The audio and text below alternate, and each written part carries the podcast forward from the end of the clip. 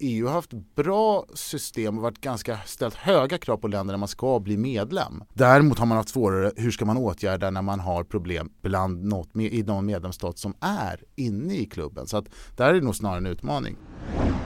Du lyssnar på Samhällsvetarpodden med mig Ursula Berge. Idag ska vi diskutera EU-valet. Bara för att vädret är galet så måste inte politiken vara det. Om vi får bestämma så kommer alla utvisas. Det här är ett styrkebesked för den svenska modellen. Blir det krig i Sverige så tror jag vi alla skulle vilja se en samlingsregering. You look at what's happening last night in Sweden. Who would believe this? Sweden! Hej och välkomna till Samhällsvetarpodden som leds av mig Ursula Berge, samhällspolitisk chef på Akademikerförbundet SSR. Vår gäst idag är Göran von Sydow som är forskare i statsvetenskap och tillförordnad direktör på SIEPS som betyder Svenska institutet för europeiska studier. Välkommen Göran! Tack! Den 26 maj är det ju val till EU-parlamentet och vi har varit med sedan 1995 och eh, det här blir nu det femte EU-parlamentsvalet som vi deltar i. Och, och senast hade vi ett valdeltagande på 51 procent. Eh, och den stiger kan man väl säga. Eh, har vi vant oss vid att vara EU-medborgare, vi svenskar? Ja, om man börjar med valdeltagande så blir det intressant att se vad som kommer hända den här gången för att de senaste valen har vi sett ett stigande valdeltagande i Sverige men då har också Europaparlamentsvalet legat närmre och närmre det efterkommande riksdagsvalet. Så 2014 var det ju liksom som en träningsmatch inför riksdagsvalet med hög mobilisering, valkampanjer från medier och partier och även väljare som var mobiliserade. Så den delen blir intressant att se när det nu faller i en helt annan rytm. Samtidigt kan vi se att det varit stigande valdeltagande allmänt runt om i Europa på senare år faktiskt. I, så det sker liksom någon slags mobilisering. Så där, den frågan är, den är lite svår och spännande. Har vi blivit EU-medborgare? Ja, alltså de svenska valen präglades egentligen mer av EU-frågor i början av vårt medlemskap men då var det ju gärna den här ja eller nej dikotomin som låg kvar. De senare Europaparlamentsvalen har mer präglats av sammankopplingen mellan europeisk och inrikespolitik. Och är det ett tecken på någon slags normalisering av en konflikt eller är det snarare att EU-frågorna sjunker undan? Ja, det beror lite på hur man betraktar det tror jag. Mm. Eh, men du skulle säga eh, om vi, om vi ska försöka titta på det här, den här EU-valrörelsen som kommer här.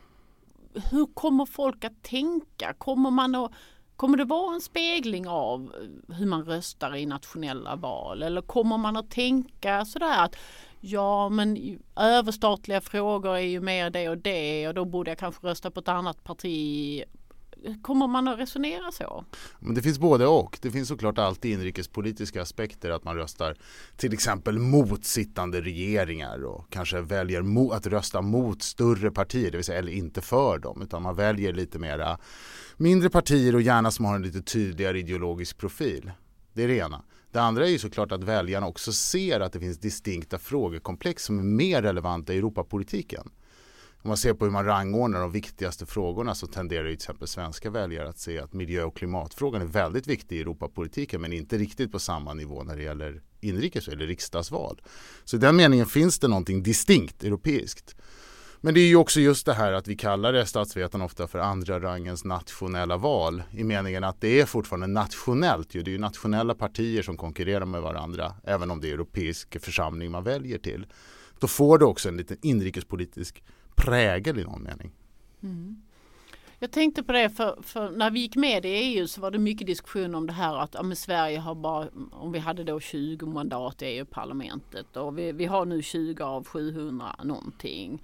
Och då var det väldigt mycket med det här, vad kan vi som svenskar göra, vår röst hör där nere. Men, men när EU-parlamentarikerna eh, EU kommer ner där så röstar de ju nästan alltid i sina partigrupperingar. Då är man inte sådär jättesvensk. Så att, är det någonting som har hänt i hur man som EU-parlamentariker ser på sig själv? Det är svårt att säga om det har varit en jättestark förändring över tid egentligen. Men det är ju precis som du säger att vi röstar ju trots allt på politiska partier och listor, kandidater som ställer upp för partier och dessa organiserar sig sen i Europaparlamentet utifrån partigrupperna. Inte primärt utifrån nationalitet. Så att av den anledningen blir det ju rätt viktigt vilka partier man väljer och hur de sen organiserar sig i Europaparlamentet. Men just över tid så är jag lite osäker på om det är mer eller mindre faktiskt som då de svenska parlamentarikerna i deras arbete, om det skiljer sig nu från hur det var tidigare. Det som kanske har hänt lite i svensk Europapolitik för de större partierna, eller flera partier egentligen, det är ju att konflikterna mellan ja och nej till EU har liksom klingat av lite. De första valen till Europaparlamentet så var det ju de splittrade partierna ställde ju gärna upp med varvade listor med tydliga ja eller nej kandidater. Det där fick såklart också ett avtryck sen i Europaparlamentet. Mm. Och då tänkte till exempel Socialdemokraterna hade Marita Ulvskog först på sin lista, en tydlig nej-förespråkare och nu skulle jag inte ens kunna lista ja och nej sägare på de olika partiernas listor. Har det klingat av helt? Ja, det skulle jag säga att de som var väldigt kvardröjande interna splittringarna, de har klingat av successivt. De kom ju tillbaka sen runt euroomröstningen eftersom den splittrade ju ganska många av partierna faktiskt. Och den fick också då en, liksom, ja, blev en lite ökad mobilisering av Europapolitik runt den omröstningen. Men i övrigt skulle jag säga att det ser mer, jag tycker det ser större samsyn i partierna just nu kring Europapolitiken än vad det var tidigare. Mm. Vi hade Marita Ulfskog här i, i en podd före jul och eh, då sa hon så här att ja, men i någon mening är det alltid kris i EU och apropå läget. Och så tänker man vilka frågor är det nu som är kris kanske? Migrationsfrågan, Östeuropa, värderingsdelaktighet och så vidare. Syn på rörlighet, Brexit, högerextremism. Är EU i kris igen? Ja, alltså i någon mening så är de stora politiska kriser och omvälvande händelser de tenderar ju att ha en väldigt har en bäring på Europapolitiken i vidare mening. Det vill säga de berör EU och det handlar ju, för ett sätt att se, tänker jag, är ju att EU också har kommit att handla om fler och fler politikområden. Så då berörs det automatiskt. Det är liksom ett mer omfattande samarbete. Sen ska man ju ändå säga att visst, det finns de här kriserna och de har ju varit uppenbara de senaste decenniet väldigt tydliga och EU har blivit ganska mycket av en krishanteringsorganisation, inte minst runt stats och regeringscheferna liksom i Europeiska rådet och sådär. Samtidigt det som Europaparlamentet gör och kanske även kommissionen det är ju lite mer av det här liksom vardagliga lagstiftningsarbetet och det pågår ju alltjämt. Det är inte så att det har stannat av egentligen för att man samtidigt hanterar en kris utan det där finns också. Så det är två helt enkelt bilder. Krisledning, ja, men också den vanliga liksom integration. Skillnad kanske är att de här integrationsambitionerna som ibland formuleras som långsiktiga planer om man tänker tillbaka till exempel på 1980-talet eller någonting när man skulle bygga en inre marknad. Ett mångårigt projekt som liksom blev en övergripande idé som liksom tröskades igenom det här systemet. Sådana typer av större projekt finns kanske inte just nu. Och det är ju också i ljuset av att EU har bara de befogenheter som vi har tilldelat genom fördragen. Och så länge man inte föreställer sig att man ska ändra fördragen så är det ungefär det här som EU är. Liksom. Det är här inom de här ramarna som EU agerar och kan agera. Mm. EU består av många olika institutioner men om vi nu fokuserar på EU-parlamentet som vi ska rösta till så har det ju dominerats av två stora partigrupper. EPP, de konservativa, där, där Moderaterna och Kristdemokraterna ingår och sedan eh, Socialdemokratiska gruppen. Och de har ju tillsammans haft en majoritet i, i EU-parlamentet. Som ni i en rapport för någon vecka sedan sa att den kanske de tappar. Vad är det för rörelser vi ser här nu? Om, om, ni har ju tittat lite i den där spåkulan. Vart är vi på väg? Alltså vi har nog redan varit på väg ett tag skulle jag säga. Och det är ju den här ökande fragmentiseringen av våra partisystem. Den ser vi ju i nationella val också, det vill säga att väljarna lämnar helt enkelt de stora breda folkrörelser eller etablerade partierna och söker sig lite mer till andra nya alternativ, då, antietablissemangspartier, populister bland annat. Och den där tendensen har ju funnits redan i Europaparlamentet tidigare, precis som jag sa innan så är ju en del av väljarbeteendet här är ju att fly lite från de stora partierna. Det är ju liksom en, att man röstar lite mer idéburet och mindre liksom på regeringsmakten. Så redan 2014 såg man förra Europaparlamentsvalet en ökad just fragmentisering. Och det som händer nu och vad prognoserna visar på det är ju att det sker en påtaglig ökning av stödet då för inte minst de högernationalistiska grupperingarna. Hur stort det där blir det är svårt att säga. Men det som är ganska tydligt är just att de två stora partigrupper som du nämner ser ut att tappa. Och det är ju mot bakgrund också, jag menar även om alla länder nu röstat i Europaparlamentet så är det klart att vad som händer i de stora folkrika länderna får ju större betydelse för sammansättningen totalt sett. Och tittar man då på ett, större, ett antal socialdemokratiska partier runt om i Europa i stora länder så går ju de dåligt. Frankrike, även Tyskland och Italien. Om Brexit händer så lämnar Labourpartiet som alltid varit en stor delegation. Och likaså är det stora kristdemokratiska partier som också går dåligt. Så det var en lång vinkling bara för att säga att ja, det som nog troligtvis händer är just att de här två grupperna inte kommer kunna dominera längre. Däremot sker ju en tillväxt av ett parti som den liberala gruppen, ALDE som den heter. Så tillsammans med dem kanske man kan bilda en ännu större koalition för att liksom säkra upp lagstiftningsmajoritet. Men det får man ju se. Mm. Och Emmanuel Macrons parti ska ju då kanske in i ALDE-gruppen, det vill säga den liberala gruppen som består av Centerpartiet och Liberalerna för svensk del. Är det den nya stora superstora koalitionen som, som vi kan förvänta oss skapa den här stabiliteten i parlamentet? Man kan nog tänka sig det, men det beror lite på hur man agerar också. Jag tror att en drivkraft för de här två stora partigrupperna, EPP och Socialdemokraterna, att enas, som vi pratade om innan. Det har ju varit att liksom säkra på något sätt Europaparlamentets institutionella roll och inflytande. Det vill säga de två har gemensamt sett att om inte vi kommer överens då får heller inte Europaparlamentet den betydelse i det här samspelet. Så det handlar nog lite om huruvida man kan mobilisera då en koalition som är lite brokigare och består av fler i samma syfte. Och om man inte kan det så pekar ju vissa på att ja, då kan det i slutändan leda egentligen till antingen så blir det knöligare saker och ting. Lagstiftningsarbetet blir krångligare att få majoriteter i EP. Men blir det inte heller någon stabila majoriteter, ja då kanske EP blir lite sidsteppat i lagstiftningsprocessen. Att man liksom inte riktigt tas på allvar på samma sätt. Och det är ju till nackdel då för institutionen i någon mening. Mm. Men skulle du säga att den liberala gruppen, alltså aldrig eh, är bärare av samma kärlek för institutionen EU-parlamentet som EPP och Socialdemokraterna? Jo, men är, i någon mån så är det ju det. Och det är den mest, kanske allra mest pro-europeiska gruppen som det finns överhuvudtaget.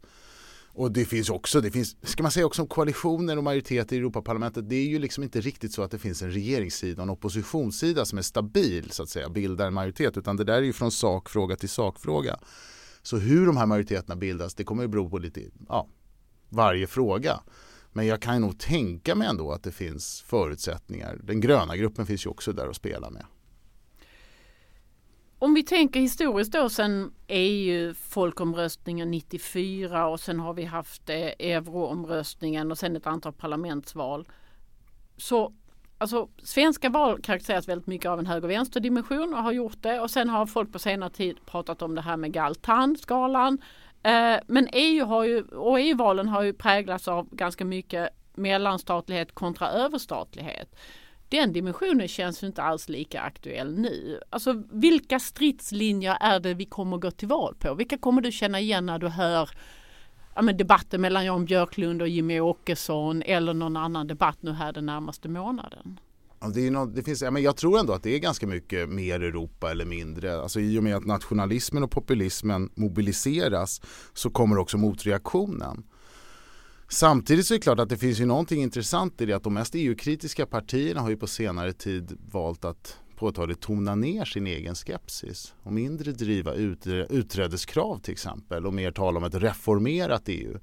Så kanske där blir konfrontationen. Samtidigt som jag ser att många då från andra sidan väljer att peka ut det som sina motståndare. Det tänker jag mig att det handlar ganska mycket om mobilisering också. Att man vill mobilisera väljare för att valdeltagandet är ju ofta ganska lågt och det gäller särskilt för vissa partier. Så att liksom rita upp den här konflikten att nu står saker på spel. Det är Europa eller den här nationella utmaningen. Det, det är nog också en del, delvis en mobiliseringsfråga för att just de frågorna, det är klart att alla, många sakfrågor finns i Europaparlamentet. Men just de här större liksom konstitutionella eller framtidsfrågorna. Ska Sverige gå med i euron eller bör EU ha fler befogenheter? Det är egentligen inte sånt som Europaparlamentet ägnar sig sådär jättemycket åt utan det blir en slags sätt att tror jag, just mobilisera och visa vad som står på spel. Kanske delvis också i avsaknad för att det har varit svårt för vänster och höger att göra gällande en skönjbar konflikt mellan vänster och höger i Europapolitiken. Så då blir det här istället kanske. Mm. I er senaste rapport som jag tror att det var så, så eh, bedömde ni att EU-skeptikerna skulle öka till 35-40 procent. Vad kommer det att innebära? Ja, det beror ju lite på. Dels kan man ju säga att det inte är säkert att det blir så pass mycket heller. Det fortfarande kvarstår ju en del till valet och så vidare. Och det beror på lite saker också. Hur blir det med Brexit? Kommer de verkligen lämna? Det påverkar också balanserna. Men jag tror att det det är ofta så att särskilt på höger om EPP, så att säga, där finns ett antal grupper där högernationalistiska partier av olika schatteringar ingår. Där sker det alltid omformeringar efter Europaparlamentsvalen. Hur de kommer att organisera sig, hur de kommer att arbeta i en grupp eller flera och om de verkligen kommer aktivt att sträva efter att söka ett sakpolitiskt inflytande istället för att snarare använda Europaparlamentet som en slags plattform. Att det tror jag får en viss betydelse. Det är det första. Och det andra är ju för att de krafterna ska få ett rejält inflytande. Då krävs det ju ändå trots allt att de bildar majoriteter tillsammans med några andra. Så då blir det rätt intressant att se hur sker utvecklingen i andra politiska partier. Nu diskuterar man ju ganska mycket runt om i Europa. Vad händer inom den här breda EPP-familjen bland kristdemokratiska och konservativa partier? Hur, konservativa partier? Hur ska man orientera sig och så vidare. Men, så jag menar att det bygger på ett antal osäkerhetsfaktorer som vi inte riktigt vet hur de spelar ut. Däremot så är just de här indirekta effekterna som vi pratade om innan ganska tydliga då. Just det blir svårare att bilda majoriteter för alla andra helt enkelt. Det blir ju en konsekvens. Och den andra indirekta effekten det är såklart att i någon mån så skickar det ju en signalverkan in i systemet om väldigt många väljare trots att stödet för EU är väldigt högt bland många medborgare i många länder skulle rösta på partier som på ett eller annat sätt är väldigt kritiska till EU. Det blir ju ändå någon slags signaleffekt. Sen hur systemet reagerar på det, hur responsiva man är, ja det får man väl se. Mm. Men jag tänker på det samtidigt som ni beskriver den trenden och den är ju sannolik så får man ändå intrycket som en vanlig väljare att det finns ett antal stora frågor som blir viktigare och viktigare som är påtagligt överstatliga. Klimatet. Svårt att tänka sig det som en nationell angelägenhet mm. enbart. Migrationsfrågan som, som väldigt mycket av den svenska migrationspolitiken har lutat sig mot att vi måste ha en europeisk lösning på migrationsfrågan. Men, och det finns andra också. Alltså man får intrycket av att överstatliga frågor tillväxer och samtidigt säger ni att EU-skeptikerna, de som vill ha mindre makt i EU, lär öka. Hur får vi ihop det här? Ja, alltså att fler frågor tillkommer på den gemensamma dagordningen, ja, det, det är ju precis, det är ju den, det, är, det, är, det finns ju någonting intressant där för att då uppfattar man delvis olika kanske beroende från vilken horisont man ser att man fler och fler samhällsproblem uppfattas som gemensamma. Då tenderar man också att leta efter gemensamma lösningar på ett eller annat sätt. Det är så problemeuropeisering kan man ju prata om ibland i forskningen. Det vill säga att det är, det är andra krafter än de aktiva politiska valen att vi vill fatta beslut på europeisk nivå. Det är liksom en nödvändighet. Så det är väl svårt att säga att den skulle liksom försvinna automatiskt. Så att eh, det är väl antingen då att man inte lyckas enas eller göra någonting på gemensam europeisk nivå eller att man gör det som, som ibland känns som att det är det som kvarstår. Att även EU-skeptikerna kommer att acceptera överstatliga lösningar på sådana här frågor. Liksom som fiskerifrågan, det går liksom mm. inte att ha en nationell förhållningssätt Jag tycker väl ändå det om man ser, apropå det här med EU-kritiker skulle tillväxa och deras effekter på Europaparlamentet så menar jag ändå att vi ser ju redan att den här politiska strömningens tillväxt har påverkat EU redan för att de sitter i regeringsställning i många länder. Partier som har den här hållningen. Och de såklart påverkar EUs beslutsförmåga ganska påtagligt och ifrågasätter och kritiserar. Men de, ingen av dem har ju än så länge lyft frågor om att varken e ÖS länder ska utträda ur EU eller att man i grunden ska förändra någonting och kommit med liksom konkret förslag om hur EU ska i grunden förändras. Så i den meningen accepterar man ju här ganska mycket av det som är det överstatliga innehållet.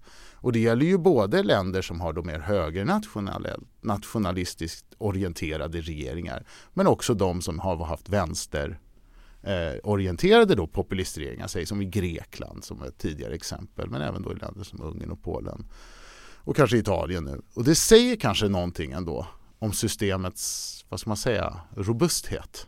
Eller så är det bara att jag tänker att det här är för mycket halv, glaset är halvfullt. Det kanske är tvärtom, jag håller på att erodera inifrån av det här. Det får man får se i framtiden. Mm. Får se.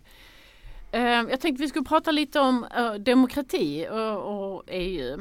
Eh, och jag gjorde på kul en demokratiquiz eh, från Civil Rights Defenders och fick där frågan i vilken världsdel demokratin backat mest de senaste 13 åren. Och alternativen var Nordamerika, Sydamerika, Europa och Asien. Rätt svar var Europa. Eh, och det gick in och kollade lite index och sådär. Det är ganska många länder i EU som, som, har, eh, som inte har en fullvärdig demokrati. Och det man slås av det är att de, de sju sämsta har alla fallande demokratiindex. Eh, vad har EU och EU-parlamentsvalet för roll i det här? Ja, alltså det här är ju en allvarlig tendens, en trend då som finns, återfinns och den verkar vara liksom mer kvardröjande egentligen eh, kan jag tänka mig att de länder som kom fram i ditt quiz här låg då i centrala Östeuropa. Och att här finns det då risker också att demokratin kanske liksom på långvarig sikt, liksom det återhämtas inte riktigt på samma sätt som i vissa andra länder där det varit lite mer hotat tidigare. Då. Europaparlamentsvalet som sådant vad har det för betydelse för det här? Ja, Europaparlamentet är ju en av de aktörer på överstatlig nivå som kan vidta åtgärder i förhållande till den här utvecklingen också, eller initiera åtminstone processer i förhållande till detta. Och är ju en aktör, alltså en lagstiftande församling, så att det är klart att där har det betydelse hur balansen och majoriteterna ser ut i Europaparlamentet för hur då EU-nivån ska kunna agera i förhållande till medlemsstater som har den här utvecklingen. Och det här är ju ett, det är ju ett problem som har varit nu under ett antal år i ett antal fall. Där man har haft svårigheter från EUs sida att komma till rätta med de upplevda problemen då med länder som inte längre följer efter unionens egna värderingar så som är fastslagna i våra fördrag. Och där har bland annat det här sittande Europaparlamentet varit då, tagit initiativ för att initiera då den här processen där man aktivera den här artikel 7 som det heter i EUs fördrag som ska kunna leda då till åtgärder i förhållande till sådana länder. Så där har man ett, ett sådant exempel på EUs, Europaparlamentets betydelse. Och kommer man kunna få majoriteter för hårda åtgärder mot sig Ungern och så vidare? Kommer man kunna dra tillbaka EU-stöd och sådana saker? I förhållande till artikel 7 så har ju problemet varit att då kräver det enhällighet från alla andra. Och har man två länder som i det här fallet Ungern och Polen som säger att man skyddar varandra, ja då får du inte den eh, enhälligheten. Men sen pratar man ju nu då om kan man hitta andra metoder, kan man hitta andra sätt för att stävja den här utvecklingen. Och det är någonting som man hör mycket om i den svenska debatten också, till exempel det här med konditionalitet i förhållande till EUs budget då, som samtidigt ska förhandlas i början av den här mandatperioden. Och det verkar väl som att det finns ett antal länder som stödjer sådana idéer. Att det skulle kunna vara ett sätt då att komma till bukt med de här problemen. Det är lite spännande för jag kommer ihåg i samband med EU-folkomröstningen 94. Man pratar mycket om EU, man pratar mycket om demokratiskt underskott och så vidare. Att flytta makt från demokratiska Sverige med högt valdeltagande och så vidare till EU skulle innebära att man förlorade i demokrati så att säga. Men, men nu beskriver du EU som någon, någon demokratins värnare. Eh, och, och att, det, att det kan vara det eller kanske redan är det. Har det hänt någonting där? Ja, alltså jag säger nog till demokratins värnare så snarare är problemet lite det omvända. Att EU har haft bra system och varit ganska ställt höga krav på länder när man ska bli medlem när det gäller demokratiska styrelseskicket inför förhandlingarna inför medlemskap. Däremot har man haft svårare, hur ska man åtgärda när man har problem bland något, i någon medlemsstat som är inne i klubben. Så att där är det nog snarare en utmaning.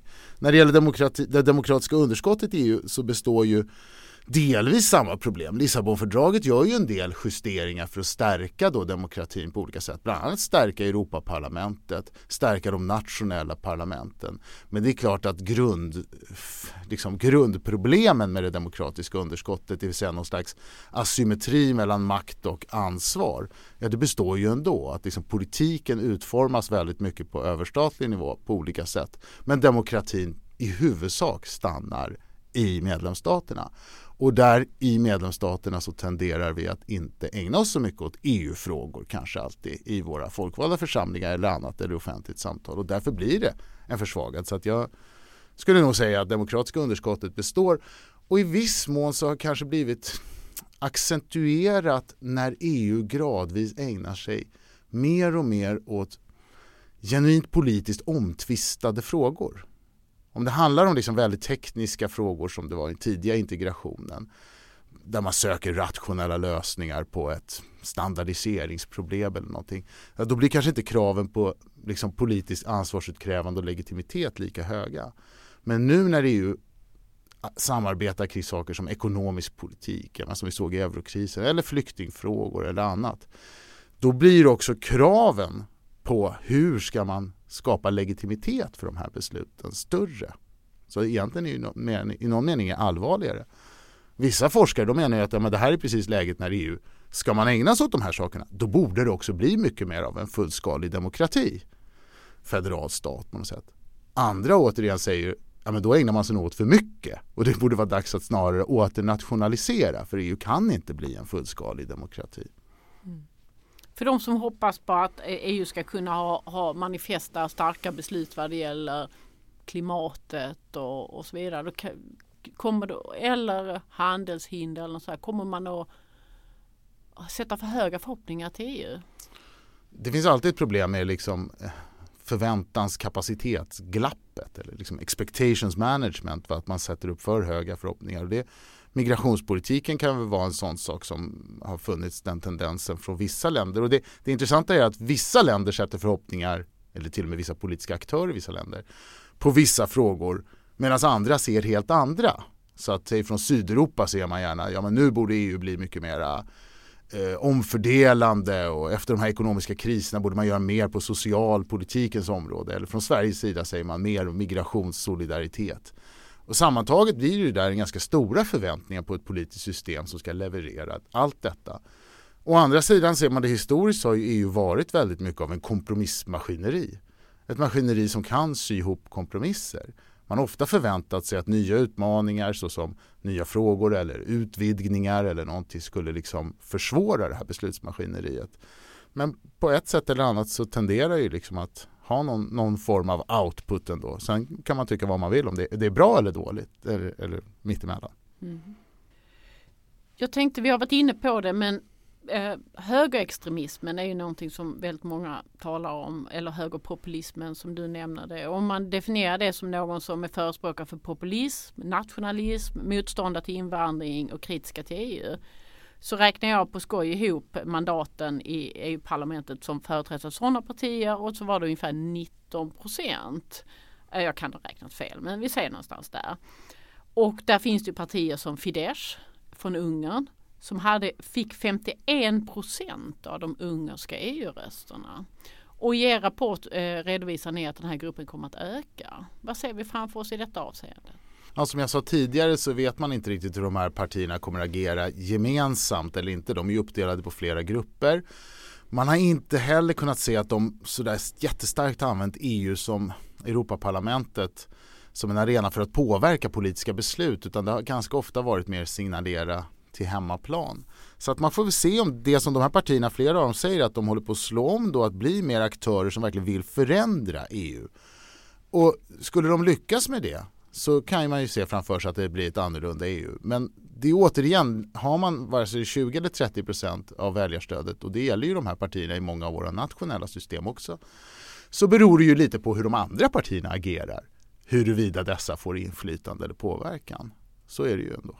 Så att det är fortfarande då resterande 70 procent som har ett utrymme att agera på ett eller annat sätt som de tycker är lämpligt. Men då får man ju lite flashback till svensk politik och säga att hela, det eh, politiska, hela regeringsbildningen i Sverige bygger på just det där. Att hålla ute Sverigedemokraterna från politiskt inflytande. Så, så man ser ju paralleller här. Men eh, jag får ändå intrycket av de här partierna, du beskriver då att de använder EU-parlamentet som en plattform för att skicka tillbaka signaler till det egna landet. Men om de istället använder EU som institution och inte som plattform, alltså att de lär sig använda EUs hela verktygslåda.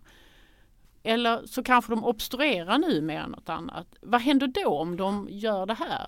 Ja, men det kan ju bli eventuellt beslutsförlamningar också för att det är redan i innevarande mandatperiod när vi har ett fragmentiserat Europaparlament så är det många omröstningar, ungefär var tionde omröstning är majoriteten bara kanske 20-30 mandat. Så det betyder att ganska små förändringar kan påverka majoritetsförhållanden. Nu gör man ju inte samma, samma fråga kommer inte komma igen efter valet men bland de här frågorna där det har varit väldigt snävt där ligger ju frågor som handelsavtal, frihandelsavtal, Eh, miljöfrågor eller rättighetsfrågor. Så det är klart en skiftad majoritet kan ju påverka sånt här också. Återigen, det beror lite på hur de andra agerar och återigen så är det värt att påminna sig att man inte har det här äh, total partisammanhållning. Vi har inte heller regeringssida kontra oppositionssida som är en så stark liksom, logik i svensk parlamentarism eller runt om i de andra länderna heller. Så att EP är lite annorlunda faktiskt. Mm. Och precis som du nämner så ingår de ju i, nu är ju Fidesz kanske utslängda ur EPP, men de ingår ju i en tre, kanske, kanske inte. Oklart. Oklart. Ja, ja. Men de ingår i tre, fyra olika grupper. Men säg att de, de gör en enda stark partigruppering och verkligen samlar sig för något gemensamt mål de har som kanske handlar om migration eller mm. identitetsfrågor eller vad det kan tänkas handla om de här partigrupperna, särskilt, några av, särskilt en av dem har ju haft väldigt låg grad av sammanhållning, det vill säga de har inte fungerat riktigt som partigrupper heller. Alltså inte så hög partidisciplin utan partierna får göra lite som de vill. Men det finns en stark fördel av att vara överhuvudtaget vara en partigrupp. För det andra vara en stor partigrupp. Det är ju nämligen så att uppgifter i parlamentet fördelas utifrån storlek. Så saker som att sitta som ordförande i utskott eller vara föredragande, viktiga roller, att vara rapportör till exempel det är klart, får man ihop en väldigt stor grupp av högernationalistiska partier som gör anspråk på att ha dessa roller och göra med det vardagliga, då, liksom vanliga lagstiftningsarbetet i Europaparlamentet. Ja, då om inte annat kommer enskilda parlamentariker från dessa grupper att ha ett inflytande. Så är det. Och det är redan så att de har det också. Man ser på den gruppen som heter ECR som ju inte alls är lika radikal, men där till exempel brittiska Tories, Sverigedemokraterna och eh, eh, polska lag och rättvisa ingår. Det är en grupp som är mycket mer vad ska man säga, del av det vanliga livet i Europaparlamentet än vad till exempel den gruppen där från National och Lega ingår som är mer liksom en paria grupp som ingen samarbetar med. Så att det beror lite på vad som reser sig askan ur den gruppen. Kan det bilda någon slags mer vad ska man säga, respektabel ytterhöger som kan samarbeta inåt, ja då kan man se ganska stora möjligheter till att de får ett inflytande. Vi är ju då ett fackförbund som är intresserade av arbetsmarknadsfrågor och man kan ju slå sig av det att arbetsmarknadsfrågor aldrig blir vettiga politiska frågor i en valrörelse. Och inte heller i EU-parlamentsvalet eh, har det ju blivit det på ett vettigt sätt. Hur ska facket lyckas sätta arbetsmarknadsfrågor på agendan i EU-valet? Fast ser man på de svenska valrörelserna till Europaparlamentet så tenderar ju ändå frågan om den svenska arbetsmarknadsmodellen ganska ofta förekomma i debatter och annat. Och inte minst sen Lavaldomen så har ju det varit en återkommande eh, diskussionsfråga. Sen kanske det inte har varit så väldigt partiskiljande eller åtminstone inte så klargörande partiskiljande. Men här finns det ju ändå någonting som i någon mån tenderar att återkomma. Sen vet jag inte vad ni tänker er för andra frågor. Det får Nej men Lavaldomen och, och, det som handlar om att vi ska ha svenska löner i Sverige och det som mm. kallas utstationeringsdirektivet. Där mm. fanns det ju en tydlig mm.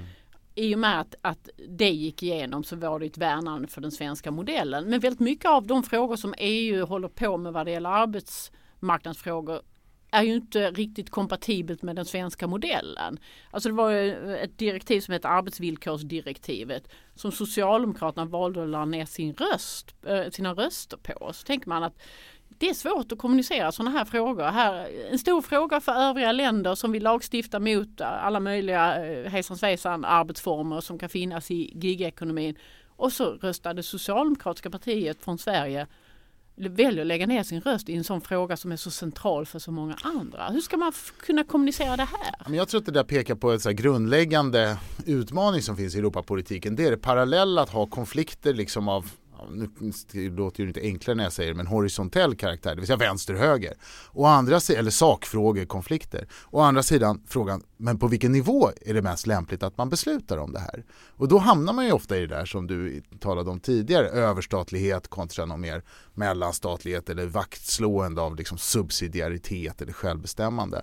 Och det är klart att det där är alltid ett vågspel för att man vill, många partier vill gärna prata om de frågor som man känner sig starkt bekväm med och förknippad med. Men det behöver inte automatiskt betyda att man vill att de ska beslutas på europeisk nivå.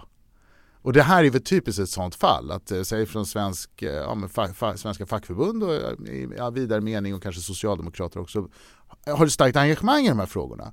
Men det behöver inte då automatiskt betyda att man tycker att EU ska besluta om det. Samma sak kan det gälla andra, andra saker och det det kan ju vara de som landar i samma slutsats när det gäller även flyktingpolitik eller säg saker som växer nu, skatter eller försvar. Det kan vara samma sak, man tycker att de är viktiga men för den sakens skull inte tycker nödvändigtvis att de behöver beslutas på europeisk nivå. Men partier och aktörer vill ju gärna ofta tala alldeles oavsett om sina då, så att säga hemmaplansfrågor. Mm. Jag tänkte på det, ehm, för något år sedan så, så gjorde Stefan Löfven, statsministern, en stor grej av att i, i, tala om den sociala pelaren, hur central det var och att det är eh, någon form av uppsättning värderingar om hur arbetsmarknaden ska fungera. Och samtidigt säger de, men det ska inte innebära tvingande lagstiftning. Så det är jätteviktiga principer men det ska inte vara tvingande. Hur kommunicerar man det i en valrörelse? Ja, jag är inte någon expert på kommunikation men det, det, är samma, samma frågeställning ska jag säga att här betonar man någonting så viktigt men man tänker sig att primärt ska den sociala pelaren syfta till att lyfta andra medlemsstaters standarder och nivåer snarare än att påverka de svenska förhållandena. Och så där kan det ju vara i, i, i, flera andra politikområden också. Från svensk sida tänker man ofta att vi, vi har en återhållsam och pragmatisk syn för mellanstatlighet i EU. Men saker som kan komma som, från, som förslag från EU, från Sveriges sida när det gäller Europapolitiken kan uppfattas som väldigt offensiva och driva mer av överstatlighet. Säg tvärtom hur man från eh, jag vet inte, från ungersk sida betraktar Sveriges hållning kring migrationspolitiken, att det ska vara solidaritet i EU. Därifrån tänker man, att ni är alldeles för vad ni driver på i väldigt överstatlig riktning eller klimatambitioner, att det ska vara bindande åtaganden och så. För de medlemsstater som inte håller med om det så framstår det här som starkt integrationsdrivande.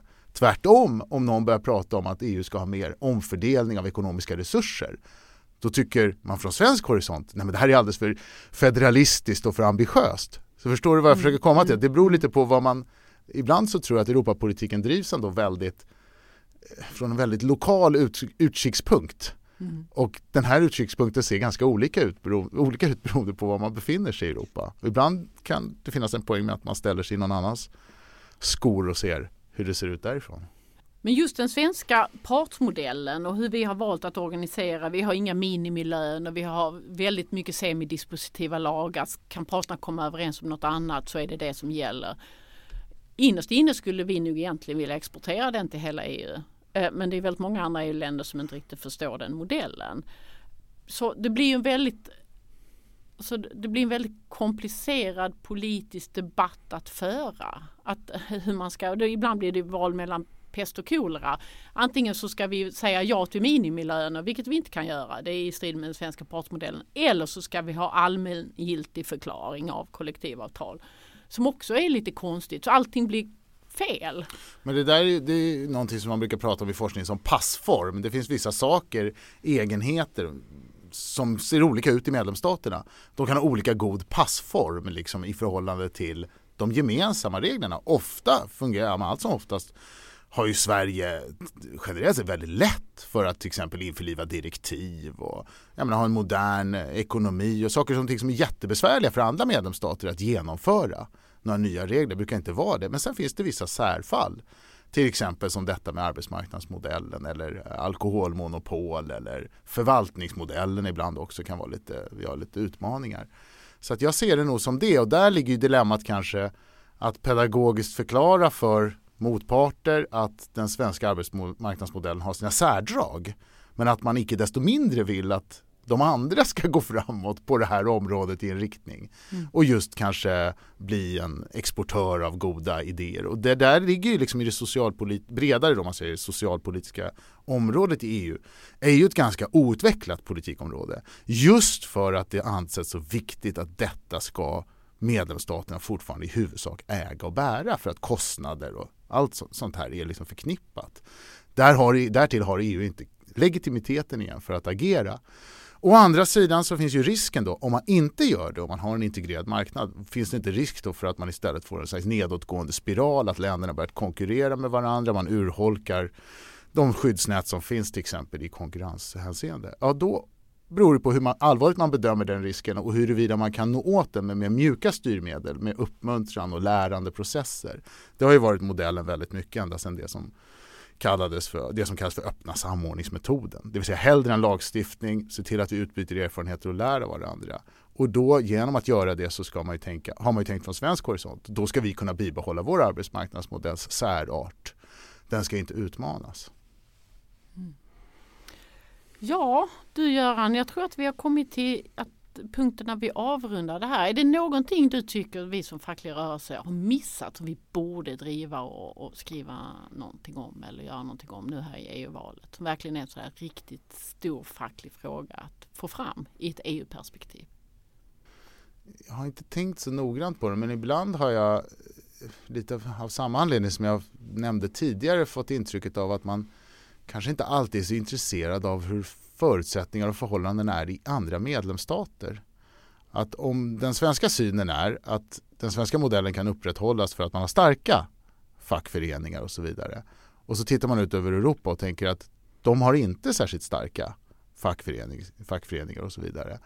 Borde man inte då, det kanske är en fråga tillbaka till dig egentligen, borde man inte då dra slutsatsen av att en viktig kanske Europapolitisk ambition för de svenska då, om man tycker den svenska modellen är bra, vore just att arbeta aktivt för att stötta den, för de förutsättningar som ska finnas i andra länder för att upprätthålla den mm. typen av arbetsmarknadsordningar. Ett litet uppdrag tillbaka till oss. Tusen tack Göran. Tack. Det var allt från Samhällsvetarpodden den här veckan. Samhällsvetarpodden görs varannan vecka och fångar upp stora samhällspolitiska frågor, helst med facklig twist. Samhällsvetarpodden görs av Akademikerförbundet SSR, Sveriges ledande samhällsvetarförbund.